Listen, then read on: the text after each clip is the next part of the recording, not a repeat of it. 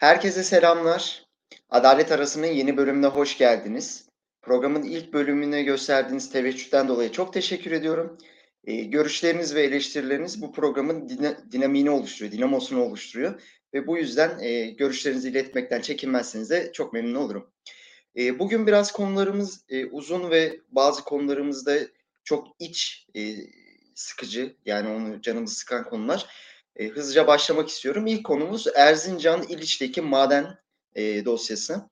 E, bildiğiniz gibi Haziran ayında, Haziran 21'inde e, bir siyanür faaliyeti olmuştu ve e, bir sızıntı meydana gelmişti. E, bölge olumsuz etkilendi ve sızıntının Fırat Nehri'ne ve e, Fırat Nehri'nin havzasına kadar ulaştığı hatta e, Şanlıurfa şebeke suyuna kadar karıştığı iddia edilmişti. E, ilk başta ilk gün hiçbir açıklama yokken 3 gün sonrasında valilikten 4 gün sonrasında bakanlıktan açıklama gelerek e, durumun vehametinin ortaya çıkmasına yönelik adımlar olmuştu. Hatta para cezaları kesilmişti. E, bu maden dosyası ile ilgili iki tane gelişme oldu yakın dönemde. Ben onlardan bahsetmek için bu dosyayı açtım. E, birincisi e, TRT 28 Temmuz tarihinde e, Fırat Nehri'ne siyanür karışmadı e, videosu yayınladı. E, bir böyle haber videosundan ziyade bir propaganda videosuna benzer bir videoydu ve e, iddiaların cevabı olarak sadece dayanak nokta olarak yani e, cevap noktalarında e, Çevre ve Şehircilik iklim Çevre Şehircilik ve İklim Değişikliği Bakanlığı ve Erzincan Valiliği'nin yaptığı açıklamaya dayandırdı. Yani bir bilimsel açıklamadan ziyade ya da bir inceleme sonucundan ziyade ya bakanlığın e, yayınladığı tek sayfalık açıklamaya dayanarak böyle bir şey olmadı. Hani bir temelli bir iddia değil de böyle bir şey olmadı yani. E, böyle bir açıklama yaptılar ve e, bu açıklama ile ilgili Sedat Cezayirlioğlu e, avukatıyla birlikte TRT Genel Müdürü ve Yönetim Kurulu Başkanı hakkında görevi kötüye kullanmak ve TRT kanunu muhalefetten e, dava açtılar. E, e, ilk önce bir e, manevi tazminat e, davası açıldı Sedat Cezayirlioğlu'na. Aynı zamanda görevi kötüye kullanmak ve TRT kanunu muhalefetten de bir e, suç duyurusunda bulunuldu. E, burada e, TRT kanunu muhalefetteki kullanılan madde 5. madde e, burada yayınların içeriğinde nelerin olup olamayacağını anlatan bir madde ve e, maddenin birinci fıkrasının M bendinde de e, halkı aldatıcı bilgiye dair böyle e, taraflı yayın yapmaya dair bir bent. Bu bent ve e, Türk Ceza Kanunu'nun görevi kötüye kullanma maddesi üzerinden bir suç duyurusunda bulunuldu. E, ayrıca e, yakın dönemde bir başvuru daha geldi. E, Sedat Cezayirlioğlu ve e, avukat İsmail Hakkı Atal'ın e, ortak çalışması oldu. E, Uluslararası Ceza Mahkemesi'ne taşındı konu. E, Uluslararası Ceza Mahkemesi'nde e, insanlık suçu statüsünde bir başvuru yapıldı ve burada e, Uluslararası Ceza Mahkemesi'nden biraz bahsetmek istiyorum. Bu e, Ceza Mahkemesi 2002 yılında Roma statüsünün e, açıklanmasının akabinde oluşturulan bir uluslararası mahkeme. E, bu mahkeme devletleri yargılamıyor. E, tara Roma statüsüne taraf olan devletlerin vatandaşlarını yargılama yetkisi var. E, insanlık suçu, soykırım suçları e, gibi, savaş suçları gibi ciddi konuları ele alıyor ve Roma statüsü kapsamında bir yargılama yapıyor. E, dolayısıyla e, bu dosya taşınırken şöyle bir durum var. E, Türk Türkiye bu Roma statüsüne taraf değil. Dışişleri Bakanlığı'nın sitesine girip baktığınızda Roma statüsüne taraf olmadığımız açıkça belli edilmiş. Ama Roma statüsünden kaynaklı Uluslararası Ceza Mahkemelerinin verdiği kararların e, takip edildiğini de belirtilmiş. E, o yüzden hani Türk vatandaşları bu mahkemede yargılanamayacak. Yani biz dosyayı oraya taşıdık ama Anagold madenciliğin e, Türk sorumluları, e, ortakları var. Amerikan ve Kanadalı ortaklar. E, o onlar açısından bu süreç nasıl olur diye bakarsak da Amerika Birleşik Devletleri de Roma statüsüne taraf değil şu anda. O yüzden Amerikan vatandaşları da bundan e, nasibini alamayacak. Ama Kanadalı vatandaşlar e, bu süreçten kaçamayacak. Yani bir sorumlulukları varsa o sorumlulukların yerine getirilmesi gerekecek ve yargılanması yargılanma süreci de başlarsa e, bunlar gerçekleşecek. Burada nasıl bir süreç işleyecek e, olursa ilk önce başvuru yapılıp başvuru kabul edilip soruşturma ve dava aşamasına gelirse e, burada insanlık suçu kapsamında bir inceleme olacak ve taraf e, Roma statüsüne taraf bir ülke vatandaşı, Roma statüsüne taraf olmayan bir ülke toprağında insanlık suçu iş, işledi e, kabulü üzerinden bir soruşturma gerçekleşecek ve onun da belli bir ceza e, yargılaması olacak. E, Uluslararası Ceza Mahkemesi e, ülkeler adına bir hani ahim boyutunda değil özellikle Türkiye açısından çünkü Türkiye taraf değil tamamlayıcı bir yargı işlevi görüyor ve e, o yüzden de e, uluslararası arenada önemli bir mahkeme ama doğrudan yargılamayı ulusal anlamda etkileyici bir mahkeme değil. Fakat e, bizim Dışişleri Bakanlığımızın sitesinde yer aldığı gibi hani bu yargılamalar takip ediliyor çünkü bunlar hukukun gelişmesinde, uluslararası hukukun gelişmesinde ve insan haklarının korunmasında çok önemli adımlar atılan mahkemeler ve e, bu mahkemelerde de e, hani günden güne suç tiplerini arttırmaya yönelik de adımlar da atılıyor aynı zamanda. E, bunun yakın dönemde bir örneğini gördük Uluslararası Ceza Mahkemesi boyutunda. E, 2019'un e, Aralık ayında Vanuatu e, ada ülkesi bu Avustralya, Yeni Zelanda ve Papua Yeni Gün'ün e, olduğu tarafta bir ada ülkesi e, iklim krizinden etkilene, etkilenecek e, ilk ülkelerden bir tanesi olduğu için e, bu ekokırım e, iklim değişikliğinin kriz boyutuna gelmesiyle çok ilgili ve Birleşmiş Milletler'de de bu konuyu sıklıkla dile getiren bir ülke.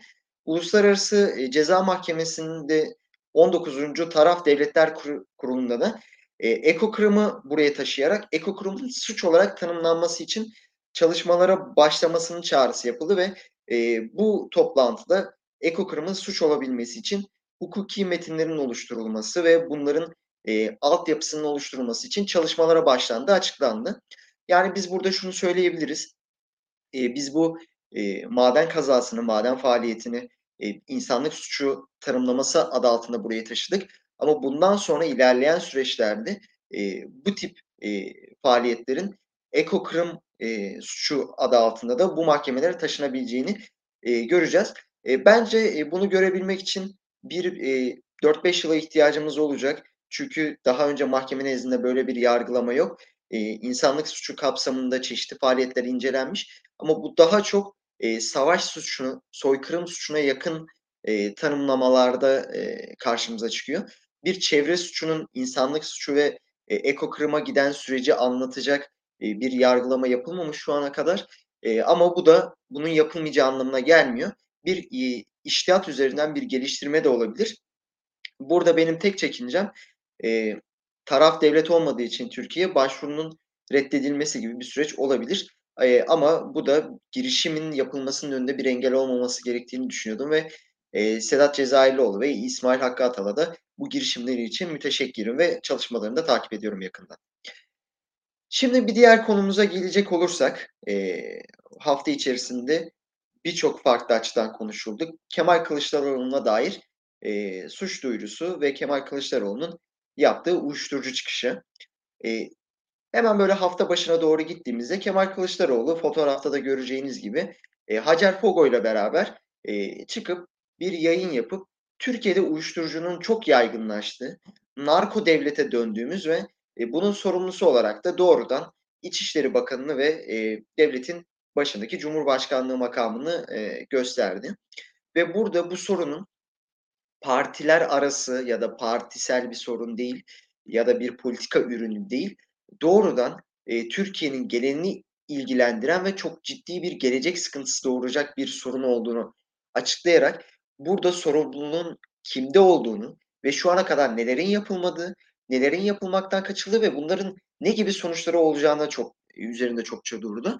Ve e, bu konuşmanın hemen ardından e, İçişleri Bakanı e, bir tepki gösterip ya nasıl suçlu gösterirsiniz siz işte e, emniyet müdürlüğümüzü, jandarmamızı, polisimizi, devletimizi suçlamayı utanmıyor musunuz gibisinden bir Twitter'dan açıklama yaparak e, tepkisini gösterdi.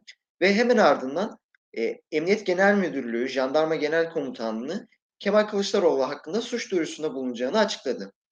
Şimdi bu kurumlarda hareketlenmeler var ve e, Emniyet Genel Müdürlüğü bu e, e, Ankara Cumhuriyet Başsavcılığına sansür yasası olarak adlandırdığımız yasanın 29. maddesi yani e, Türk Ceza Kanunu'nun e, 217. E, maddesindeki halkı yanıltıcı bilgiyi alenen yayma suçunu işlediği iddiasıyla suç duyurusunda bulundu. Yani biz şunu gördük. E, sansür yasasının bir örneğini Kemal Kılıçdaroğlu üzerinden gördük ve bu doğrudan e, İçişleri Bakanı'nın hedef göstermesiyle Emniyet Genel Müdürlüğü'nün başvurusuyla birlikte karşımıza çıktı. E, buna birkaç dakika sonra değineceğim. E, burada benim dikkatimi çeken e, husus sansür yasasından ziyade e, bir narkotik e, olayın, uyuşturucu sürecinin e, hani partiler üstü bir noktada olması, Türkiye'nin genelini ilgilendirmesi ve e, uyuşturucu kullanımının çok yaygınlaşması ve bunun e, sosyoekonomik sınıf fark etmeksizin her sınıfa yönelik uyuşturucunun üretiminin Türkiye'de yaygınlaşması ve kullanımın artmasının e, sonuçları üzerinden gitmek gerekir. Ve burada benim dikkatimi çekici, dikkat çekeceğim bir husus e, 4 Kasım'dı yanlış hatırlamıyorsam e, T24'te Tolga Şardan e, bir yazı yazmıştı. E, ve bu yazıda da benim dikkatimi çeken bir husus oldu. Ben bunu görmemiştim. O yazıdan sonra araştırma fırsatım oldu. E, em, Emniyetin narkotik bölümü e, bir istatistik yayınladı. E, Türkiye'de ilk 10 ayda 198 bin e, operasyon yapıldığını söyledi uyuşturucuya yönelik. E, bunu bakarsak e, Türkiye yani Türkiye'de ilk 10 ayda 198 bin operasyon demek günde 600 operasyona denk geliyor. İstanbul Valiliği de e, ilk 10 ayda İstanbul'da 42 bin e, operasyon düzenlendiğini söyledi. Yani ülke genelinin beşte birini doğrudan İstanbul'da yaşamışız. Biz bunu valilik beyanından anlıyoruz ve narkotik şubenin yayınladığı istatistik verilerden anlıyoruz. Yani günde 600 operasyon devasa bir rakam. Yani ülkenin ne kadar vahim durumda olduğunu gösteren, kanıtlayan bir durum. Yani burada e, narkotik şube biz işte ilk 10 ayda yaklaşık 200 bin operasyon yaptık. Valilik de işte ilk 10 ayda İstanbul'da 42 bin operasyon düzenlendi diyerek aslında Kemal Kılıçdaroğlu'nun e, açıklamasını doğruluyor. Ya Kemal Kılıçdaroğlu durumu çok vahim bir noktada olduğunu, önlem alınması gerektiğini, mücadelenin yeterli olmadığını ve bundaki sorumluluğun Süleyman Soylu ve e, Cumhurbaşkanı Erdoğan'da olduğunu söylemişti. Yani buna bakarsak ve açıklamalara da bakarsak, istatistik verilere de bakarsak Kemal Kılıçdaroğlu'nun açıklaması doğru. E, yani burada aslında suç unsurunun oluşmadığı da e, çok net belli oluyor. E, peki bu emniyet e, Jandarma Genel Komutanlığı niye böyle bir çıkış yaptı? Yani biraz bunun üstüne de düşünmek lazım ve daha önce böyle, böyle bir çıkış yapmış mıydı? E, Montreux Boğazlar Sözleşmesi'ne ilgili e, amirallerin yazdığı bir bildiri vardı ve bu bildirinin akabinde de benzer bir durum oldu. Emniyet Genel Müdürlüğü, Jandarma Genel Komutanlığı ve Sahil Güvenlik de e, açıklama yaptı ve amirallere yönelik bir e, suçlayıcı açıklamaydı bunlar. Yani doğrudan e, hedef gösteren bir açıklamaydı ve amiraller hakkında soruşturma da başlatıldı ve amiraller beraat etti. Yani beraat edilen bir sürecin başında daha e, ülkenin güvenliğinden ve asayişinden sorumlu birimlerin e, siyasi konulara taraf olarak açıklama yaptığını biz daha önce de gördük ve Kemal Kılıçdaroğlu'na karşı da bunu yapmaktan çekinmediler ve e, ülkenin e, güvenliğinden ve asayişinden sorumlu e, devlet kurumları siyasete alet olarak e, bir nevi e, daha öncesinde çokça söylenen bu 28 Şubat'ta ya da hani askerin siyasete müdahale ettiği noktalardı. İşte bu e, muhtıra da olsun 2007 civarında.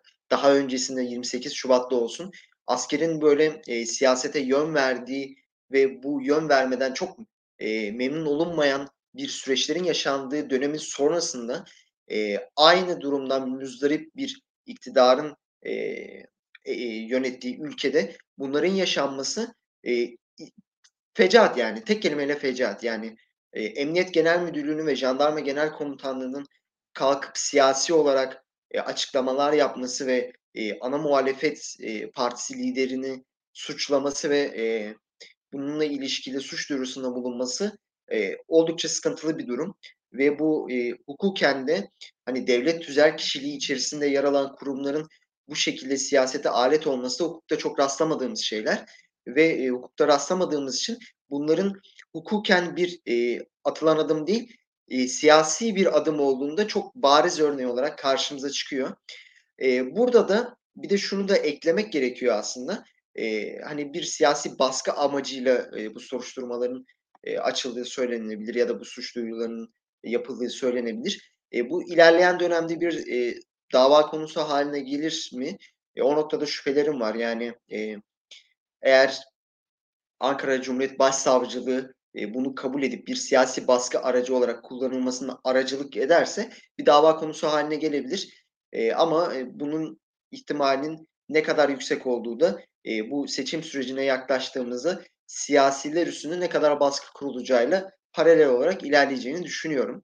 Burada, hani, hukuki bir süreçten ziyade siyasi bir sürecin hukuka etkisini net bir şekilde gördüğümüz bir, eee, zaman diliminde olmuş olacağız ve burada da eklemek istediğim son şey de, eee, Süleyman Soylu'ya ne zaman bir, eee, söz söylense ya da bir, eee, tepki gösterilse ya da bir açıklama yapılsa, karşıt bir açıklama, eee, Süleyman Soylu'nun dikkati dağıtmak ve, hani, okları farklı yöne, eee, çekmek için de, eee, böyle kurumları, hani, kendi yönetiminde olduğu kurumları, kendisine bağlı olan kurumları, eee, kullanarak böyle biraz dikkat dağıtmaya çalıştığı ve, eee, olayları soğutmaya çalıştığını da görüyoruz ve bu hamleleri yaparken de abartılı bir dil kullanıyor ve çelişkili ifadeler de kullanıyor. Bu da dikkatimi çeken bir husustu. Eee, bunu da paylaşmak istedim. Eee, bu uyuşturucu konusunda da şunu da eklemek gerekiyor. Eee, uyuşturucunun İstanbul'un birçok semtinde çokça yaygınlaştığını ben İstanbul'da yaşadığım için görebiliyorum ve şu anda da, eee, duvar yazısında da görebiliyorsunuz. Çok dikkat çekici, eee, unsurlarımız da var. Yani burada, eee, aile yapılarında da çok ciddi sıkıntılara yol açıyor ve bu sosyal anlamda da birçok olayın, eee, gelişmesine de neden oluyor. Yani biz bundan yaklaşık 1 ay önce, eee, Bağcılar'da, eee, uyuşturucu kullandıktan sonra, eee, annesini katleden bir genci de gördük. Yani bilinçli olup olmadığını ben burada tartışmıyorum ya da, eee, bu sürecin varlığını, eee, açıklamayacağım burada. Sadece, hani, bunun bir, eee, örneğini söylüyorum size, yani, ne boyuta eriştiğini ve, eee, Balat'a giderseniz, eee, Balat'ta bir Mavi Ay Derneği var. Onun her yerde afişini görebilirsiniz. Uyuşturucudan uzak tutmak için, eee, çalışmaların yapılmasının örnekleri de var. Bunun yanı sıra, eee, daha geçen hafta bu o açıklamalar yapılmasından 1-2 gün önce Ok Meydanı'nda bir düğün salonunda, ci civarda çok uyuşturucu arttı. Eee, bununla ilgili nasıl mücadele edebiliriz, sokaklarımızı güvenli hâle getirebiliriz diye, eee, halk kendisi bildiri dağıtıp bir toplantı organizasyonu yaptı.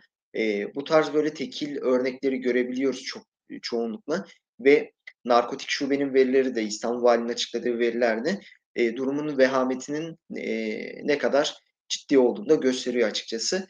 Eee, bu noktada da ben geç kalınmadan, eee, atılması gereken birçok adım olduğu ve bu da, eee, bir mücadele alanı olarak, eee, çok önemli bir gündem maddesi olduğunu düşünüyorum ve bu yüzden de buraya almak istedim. Eee, gündemin bir sonraki, eee, maddesi ise, eee, kuduz vakaları. Hafta içerisinde, eee, Güneydoğu bölgesinde kuduz vakaları rastlanmaya başladı ve, eee, Bitlis'te, eee, 2 çocuk, eee, 2 çocuğun kuduz olma iddiasıyla eee, hastaneye gittiğini gördük. Bu çocuklardan bir tanesi, eee, kuduz ve Ankara'ya nakledildi. Eee, Ankara'da da şu an uyutuluyor. Eee, durumu da ciddi. Eee, bu yayına hazırlanırken ben bir daha kontrol ettim ve, eee, ulaşmaya çalıştım, eee, son durumun ne olduğuna dair. Eee, çocuğun durumunun, eee, ciddi olduğu ve, eee, kuduzda geri dönülemeyecek bir aşamaya geldiğini belirten bir bilgi almıştım ve, eee, bu noktada da kendisine çok, eee, şifalar diliyorum. Umarım, eee, bir tıp mucizesi olur da, eee, çabucak, eee, kendi hayatına dönme fırsatın olur. Eee, bu vakanın açığa çıkmasından sonra, eee, Bitlis'te, eee, 26 tane daha çocuk ısırılma vakasının yaşandığı ve kuduz olma ihtimaliyle hastaneye başvurduğu açıklandı ve, emm, Bitlis'te bir yapılan araştırma sonucunda kuduz olan, eee, sokak hayvanlarının yakalandığı ve, eee, bunlardan bir tanesinin ölümünün gerçekleştiği de belirtildi. Şimdi burada, eee, şöyle bir durum var. Bu durumu, eee, almamın bir sebebi sosyal medya başta olmak üzere bir tartışma döndü. Sokak hayvanlarına yönelik statünün ne olacağı, bunların bakımı, kısırlaştırılması ve sonrasında, eee, işte, kuduz ve benzeri vakaların tekrar yaşanmaması için nelerin yapılması çokça tartışıldı ama bu tartışma biraz kısır bir tartışma oldu.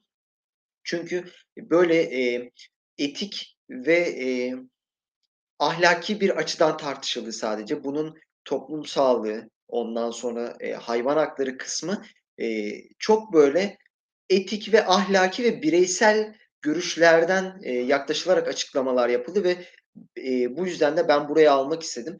Çünkü, eee, buna dair hukuki metinler ve, eee, ilk şeyler, olaylar gerçekleşti ve daha öncesinde de örnek kararlar da var. Eee, buna gelince gelin gelmeden önce hemen şunu da vurgulamak istiyorum. Eee, ülkemizde bir hayvanları koruma kanunu ve hayvanların korunmasına dair uygulama yönetmeliği var. Eee, bu yönetmelik kapsamında, eee, ilçe belediyeleri, eee, varsa büyükşehir belediyesi, eee, kaymakamlık ve, eee, valilik de bunların totalinden oluşan bir sorumluluk atfı var. Yani tek başına ilçe belediyesine bir sorumluluk atfı yok. Yani bir sokak hayvanının, eee, kısırlaştırılması, eee, işte, eee, numaralandırılması, ondan sonra bunun, eee, işte, kendi bulunduğu bölgeye tekrar bırakılması ya da bir barınağa, eee, nakledilmesi, sahiplendirilmesi ve, eee, bir alana bırakılıyorsa ya da bir barınağa bırakılıyorsa da bu bırakılmadan sonraki süreçte de, eee, takibinin yapılması ve gerektiğinde de hayvanın, eee, hayvanların zarar gördüyse terapi, eee, alması ve bunların da gerçekleşmesinin takibi, eee, adı altında geniş bir sorumluluk atfediliyor.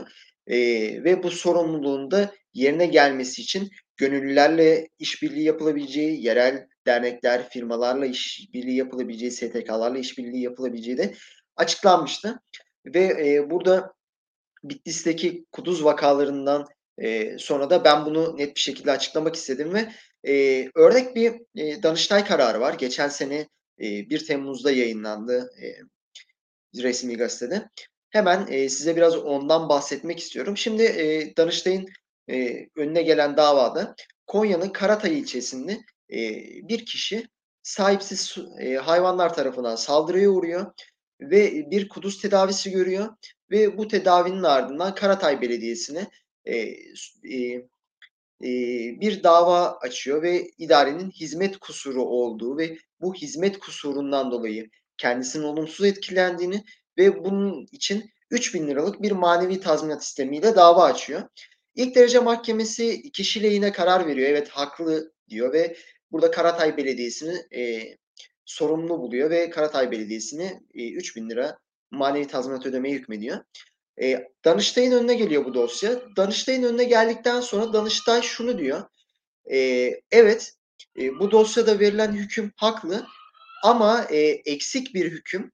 Eee, burada bizim, eee, hayvan hakları, eee, kanunu ve diğer yönetmeliğe baktığımızda sorumluluk sadece, eee, belediye ilçe belediyesinde değil, Konya Büyükşehir Belediyesi ve valiliğin de sorumluluğuna giriyor ve burada, eee, hükmü biraz genişletiyor.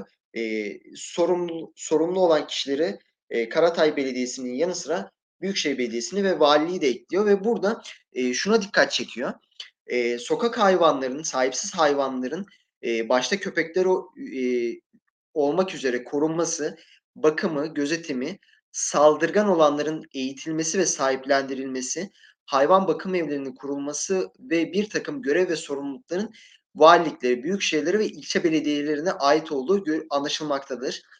Eee, bu mahkeme kararından, eee, bir alıntı yaptım size. Diğer alıntıda da, eee, kamu idareleri yapmakla yükümlü olduğu, eee, hizmetleri gereği gibi ifa etmekle beraber bu hizmetin işleyişinin sürekli olarak kontrol edilmesi ve hizmetin yürütülmesi, eee, sırasında gerekli önlemleri almakla da yükümlüdür diyor. Yani, eee, bize şunu söylüyor, sadece, eee, bir sokak hayvanının, eee, aldım, bir kere aşısını yaptım, numaralandırmasını yaptım ve, eee, aldığım yere geri bıraktımdan ziyade bunun sosyal anlamda o bölgeye nasıl etki edeceği, bir sorun yaşayıp yaşamayacağına dair de, eee, incelemesini yapması ve bunun takibini yapmaya devam etmesi gerektiğinden bahsediyor. Eee, burada tabii şunu da söyleyebilirsiniz, eee, Türkiye çok geniş bir ülke ve, eee, sokak hayvanlarının sayısı da bir hayli fazla. Eee, burada bunun mali yükü nasıl olur? ve bunun e, organizasyon aşaması da nasıl olur derseniz de aslında hayvanları koruma kanunu ve e, yönetmeliğe baktığımızda bunun e, geliştirilebilecek metinler olduğunu baştan ifade edeyim. Bunlar hani çok mükemmel metinler değil ama bunların nasıl gerçekleşeceğine ilişkin de e, açıklamaların yer aldığı ve düzenlemelerin yapıldığı aşikar, açık. E, burada e, ben bir hukuki düzenleme eksikliğinden ziyade bir organizasyon eksikliği ve burada da bir sorumluluk e, paylaşımının yapılmamasının temel bir neden olduğunu e, söyleyebilirim. Ve burada da e, işte kısırlaştırmaların ve bakım süreçlerinin düzenli yapılması ve bunun takibinin e, sürekli yapılması ve bunun e, bilimsel e, bir yaklaşım eşliğinde yapılmasının taraftarıyım. Burada etik, ahlak ve bireylerin kişisel görüşünden ziyade e, ortak yaşam alanlarında hem insanların hem diğer canlıların yer aldığında göz önünde bulundur, bulundurularak bu süreçlerin e, gerçekleştirilmesi ve burada da e, idarenin e, sorumluluktan kaçmaması ve e, bu tarz olayların tekrar yaşanmamasını istiyorum ve bunları diliyorum. Ve hani kuduz vakaları hakkında da söyleyebileceğim en son şey de e, hasta olanların da e, çok acil şifalar diliyorum ve e, son olarak da bitirmeden de şunu da ekleyeyim. E, Dünya Sağlık Örgütü'nün 2013'te yayınladığı bir e, kuduz risk haritası var. E, şu anda da ekranlarda da görebiliyorsunuz ve e, podcast dinleyicilerimiz için de ben şunu da ifade edeyim.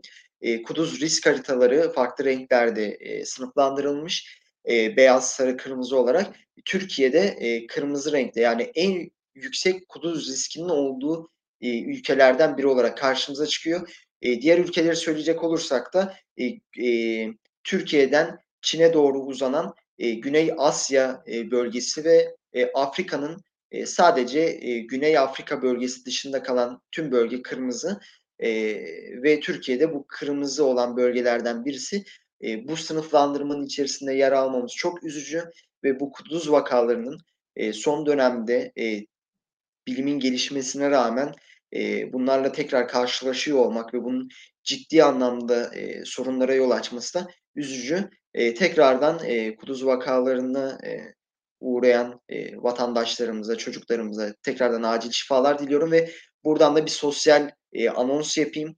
Eğer bir köpek tarafından ya da bir sahipsiz sokak hayvanı tarafından ısırıldıysanız bunu derhal bir sağlık kuruluşuna gidip belirtiniz e, ve bu kuduz vakalarını doğrudan ısırılmaları söyledikten kısa bir süre sonra bunun tedavisi aşılarla yapılabiliyor. Ama e, bunun söylenmediği ve aradan zaman geçtikten sonra kuduz olduğunuz ve kuduzun ilerledikten sonra yani belli bir süre geçtikten sonra aşının ve tedavilerin bir faydası olmuyor ve bu da ciddi bir sonuçlara sebebiyet veriyor. Hayat kaybına gidebilecek kadar e, sonuçlara gidebiliyor. Bu noktada başta izleyicilerim siz olmak üzere ya da dinleyicilerim siz olmak üzere e, size ve siz de çevrenizde rastladığınız olaylarda da doğrudan sağlık kuruluşuna yönlendirme yaparsanız da çok memnun olurum. Böyle bir sosyal mesajı da iletmek istedim.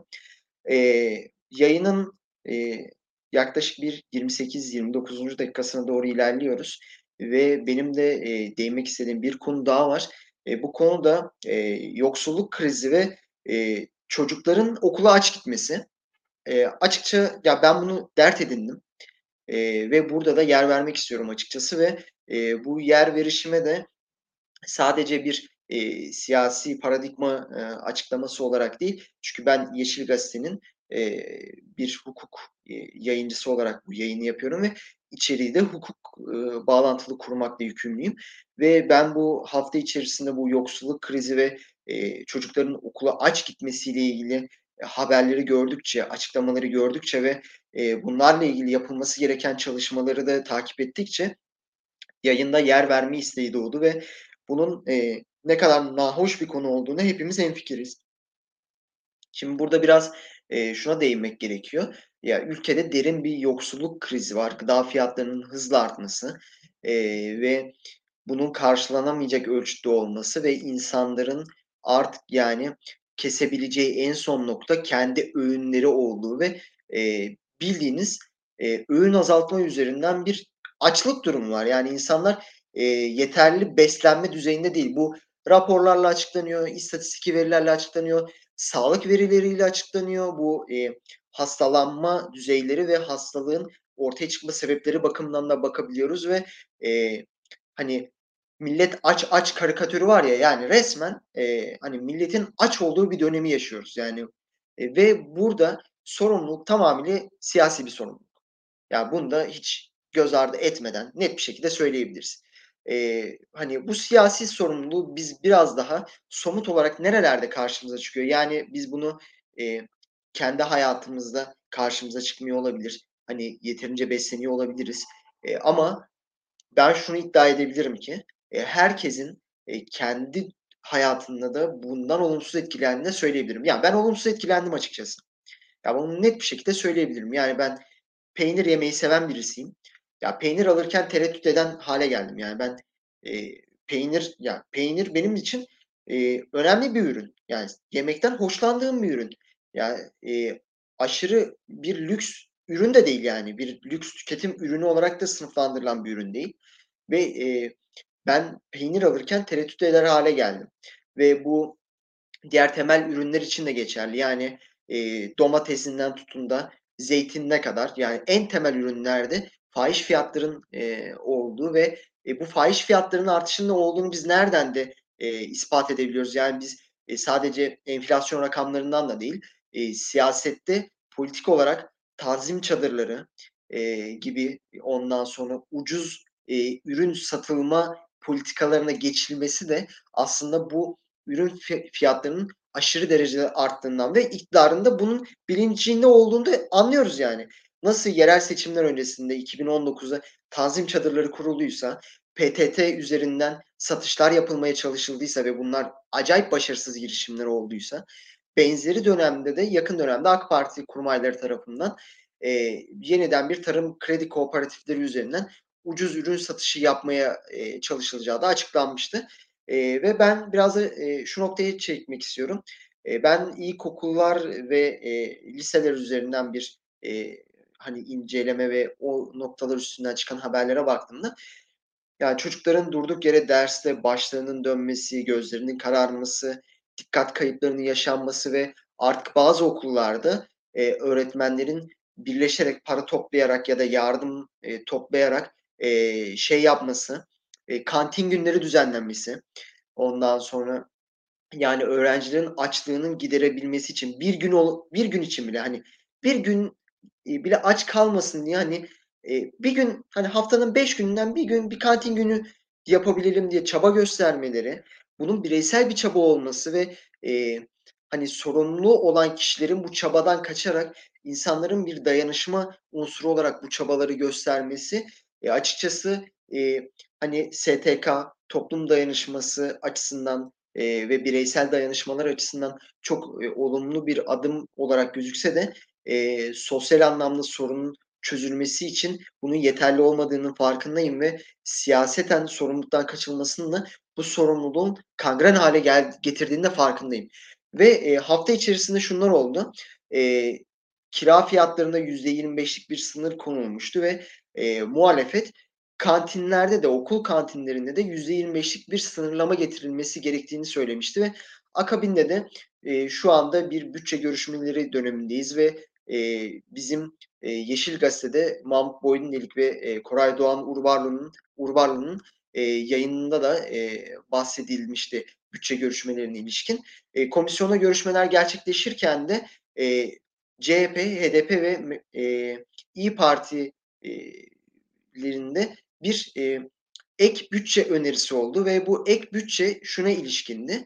E, her partinin bir e, önerisi oldu burada. E, şunu söylediler, Milli Eğitim Bakanlığı'nın bütçesine e, okullarda, Milli Eğitim bünyesindeki okullarda bir öğün ücretsiz yemek verilmesi için ek bütçe verelim e, önerisi taşındı ve e, şu anda da ekranda da Cumhuriyet Halk Partisi'nin e, ek bütçe önerisini e, görebiliyorsunuz. Burada gerekçe olarak çok net bir şekilde çocukların aç olması ve derin yoksulluk krizi olduğu da çok net bir şekilde ifade edilmiş. Yani böyle önemli ve e, siyaset üstü bir konu. Bu da siyaset üstü bir konu. Yani insanların aç olması e, hani X partisi, Y partisiyle ilgili değil. Yani bu uyuşturucuda da aynı durum. Aç olmalarında da aynı durum. E, ama burada AK Parti ve MHP e, partilerinin e, oylarıyla bu önerge reddedildi. Ya ben burada şeyi anlamıyorum yani. Temel bir sorun var. Bu temel sorundan niye kaçılıyor? Yani en azından e, bir öğün ücretsiz yemek için ek bütçe verilebilir. Yani bu bütçenin hor kullanıldığının, ne kadar kötü yerlere harcandığının birçok örneğini gördük yani. 2010'lu yıllarda Fatih projesiyle birlikte biz e, devasa bütçelerin e, teknolojik altyapı oluşturma e, adımlarıyla e, ne kadar kötü kullanıldığını gördük. Yani en temelinden yani burada e, birilerinin altına çekilen zırhlı makam araçlarından bahsetmekten ziyade doğrudan milli eğitimin başarısız bir sürü projesini gördük. Yani bunların yanı sıra güncelde en temel böyle açlık gibi bir sorun varken ve bu e, insanlığın yani en temel ihtiyaçlarından bir tanesi yani beslenme ya hani e, ihtiyaçlar e, hiyerarşisinin o az Abraham Maslow'un e, piramidinin en temelinde yer alan bir şey. Yani bunu nasıl kayıtsız kalınabiliyor ben e, anlamıyorum yani. E, ya bir de e, bu noktaya da bir hukuki perspektiften de yaklaşırsak şunu da söylemek gerekir. E, Milli Eğitim bünyesindeki öğrencilerin e, yaklaşık %90'ın üzerinde %93 veya 94'ünün e, çocuk e, nitelendirmesi de olduğunu söyleyebiliriz. Yani 18 yaş altında olduğunu söyleyebildiğimiz için de e, biraz da bu e, çocuk hakları bildirgesi ve çocuk hakları sözleşmesinde de beslenme konusuna nasıl bakılıyor biraz da ondan bahsetmek de gerekir. E, 1959 yılında çocuk hakları bildirgesinin dördüncü ilkesinde çocuğun yeterli beslenme, barınma, eğlenme ve sağlık hizmetlerine erişim hakkı vardır. E, ve bunların e, yükümlülüğü de devlete yükleniyor. Yani devlet tarafından bir çocuğun yeterli beslenme, barınma, eğlenme ve sağlık hizmetlerine erişim hakkının var olması gerektiğine dair de bir e, ilke var. E, bu bildirge e, 1989 yılında bir çocuk hakları sözleşmesine dönüşüyor ve bu çocuk hakları sözleşmesinin 24. maddesinde bu 24. madde sağlık e, hakkına ilişkin bir düzenlemeyi içeriyor. Burada net bir şekilde taraf devletler e, bu hakkın tam olarak uygulanmasını takip ederler ve özellikle yetersiz beslenmeye karşı mücadele ederler gibi bir ibare var. Yani burada devletin çocuk haklarının korunmasına ilişkin konuda sağlık hakkının bir alt başlığı olarak burada veriliyor. Yetersiz beslenme e, ve bununla mücadele etmesi gerektiğini belirtiyor. Net bir şekilde belirtiyor. Ve bunun bir sağlık sorunu olduğunu da söylüyor. Ve biz güncelde şunu da görüyoruz. E, aç olan çocukların gözlerinin kararması, başlarının dönmesi ve e, bunların açlığa bağlı yaşanması tam olarak bu 24. maddede ifade edilen şeyin net bir şekilde yansıması ve bunda sorumluluk taraf devlete ait. Ve biz de çocuk hakları sözleşmesine taraf bir ülkeyiz. Yani biz bu sözleşmenin yükümlülüklerini yerine getirmekte sorumluyuz. Bundan kaçamayız. Yani bu net bir şekilde bizi bağlayan bir sözleşme ve buradaki yükümlülüğü yerine getirmemiz gerekmekte. Aynı sözleşmenin 27. maddesinde de taraf devletler e, ulusal durumlarına göre ve olanakları ölçüsünde gereksinim olduğu takdirde beslenme, giyinme ve barınma konularında maddi yardım ve destek programı uygularlar diyor. Net bir şekilde sözleşme bize şunu diyor. Çocuklarla ilgili konuda yetersiz beslenme ve açlık gibi durumlar varsa bu bir sağlık sorunudur. Sağlık hakkı kapsamında ben sözleşmede buna yer verdim ve sen sözleşmeye taraf bir ülkeysen e, bu sorunun ortadan kalkması için e, mücadele edeceksin. E, maddi yardım ve destek programları uygulayacaksın ve bununla e, olabildiğince çaba göstererek hareket edeceksin. Afaki adımlar atarak değil, somut, gerçekçi ve sorunu çözücü adımlar atacaksın gibisinden bir bağlayıcılığı var. Burada biz Türkiye'de her ne kadar hukukun üstünlüğü, adalet e, gibi problemlerle ilgileniyor olursak da olalım, bu tarz insanların genelini ilgilendiren temel sorunları görmezden gelmeye devam edersek e, bunun siyasi sonuçları iktidarın aleyhine gerçekleşecek. Hukuk, hukuki olarak yapılmayan ya da e, siyasi olarak atılmayan adımlar birbirini bağlıyor ve burada bir sorumluluktan bahsediliyor ve bu sorumluluk çerçevesinde e, iktidarın aleyhine bir gelişme de olacak. Bunu net bir şekilde söyleyebilirim. Yani e, bu hukuki anlamda bir e, gelişme olmasa da sosyal ve siyasi anlamda bir e, ters dalga oluşturacak yani sorunların görmezden gelinmesi iktidarın aleyhine gerçekleşecek bir durum. Ve burada şunu da eklemek gerekiyor. Bu sözleşme e, bağlayıcı bir sözleşme. Biz taraf e, tarafız yani bu sözleşmeye.